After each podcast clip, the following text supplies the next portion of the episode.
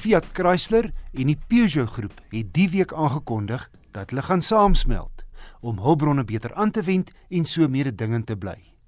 PSA bestaan uit Peugeot, Citroen, DS, Opel en soos laasgenoemde in Brittanje genoem word, Vauxhall. FCA sluit in Alfa Romeo, Chrysler, Dodge, Fiat, Jeep, Lancia, Maserati en Ram bakkies. Die gekombineerde maatskappy sal die vierde grootste motorgroep in die wêreld wees. Maar dis nog onbekend hoe die verwikkeling sake hier in Suid-Afrika gaan beïnvloed.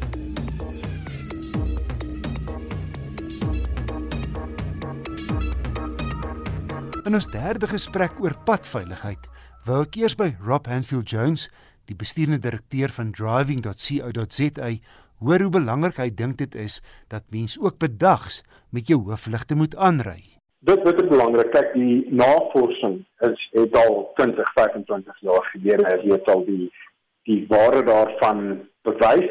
Ek weet toe mense dit so 10 of 15 jaar gelede in Suid-Afrika begin doen het, was daar baie terugslag geweest waar mense gesê nee, maar dis hierdie en daai rede die motorfietsryers veral het, het op hulle uh, perde gespring en gesê nee, maar dit maak ons minder sigbaar.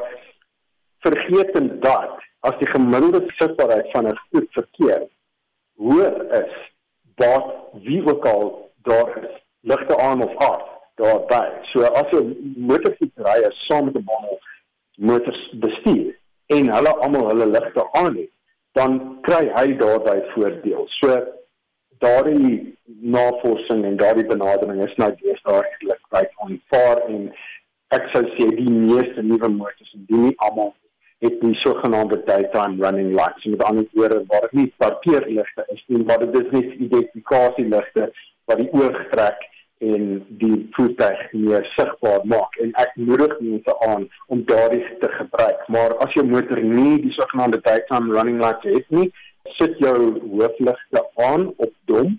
Dit maak jou heelwat meer sigbaar vir al die karoo se mense in die somerry waar mense daai hittegolwe kry wat van die paai afkom en veral as jou motor 'n donker kleur is soos 'n grys kleur wat maklik met daai hittegolwe uh, kan wegraak is dit baie baie goeie en maklike manier om jouself meer sigbaar te maak. Dit kan dalk die verskil wees tussen iemand wat verbysteek en jou in 'n trompelbotsing situasie sit of nie. Rob, dikwels sien mense mense gebruik nie hulle flikkerlig nie, maar dit is die manier hoe jy kommunikeer met ander motoriste, nê? Ja, as jy net as mense gaan vra hoekom gebruik hulle nie hulle flikkerligte nie, het hulle kon verskonings. Uh luiheid is een, die mag van die gewoonte is die ander as hulle net gewoond geraak het om die cinema as hulle baie vir dis hulle flikkerligte gebruik nie, is is dit maar net 'n gewoonte, maar die algemene rede wat ons veral in bestuurde opleiding hoor is dat dit vir die ontligging was waar hulle besig was om heen te gaan. Wel, wat ons vir daai mense sê is wel vir jou voor die ander. Maar nie net vir die ander ou nie. Ja. So al is jy in 'n baan waar jy slegs links kan draai en daar slegs links pyltjies in die baan en jy weet en jy dink almal weet uh, ons net hier links kan draai. Sit tog net in elk geval jou flikkerlig aan. Dat daar geen misverstande kan veroorsaak word. Dan in terme van veiligheid is volgafstand baie belangrik of hoe?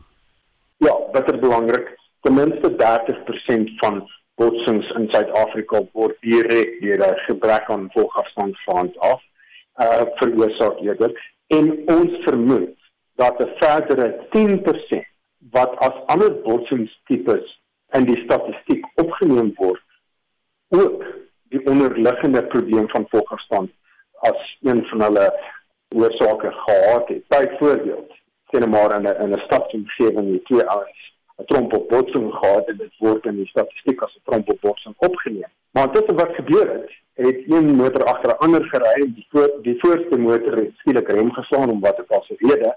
Die ou agter wat die volgafstand gehad het, het, het regs uitgeswaai want swaai gewoonlik nie in die stad links uit nie, maar ons bloem maar pale en sypaadjies en sulke goed. So die intensiewe uitswaai is reg en dan swaai reg in die pad van aankomende motor aan.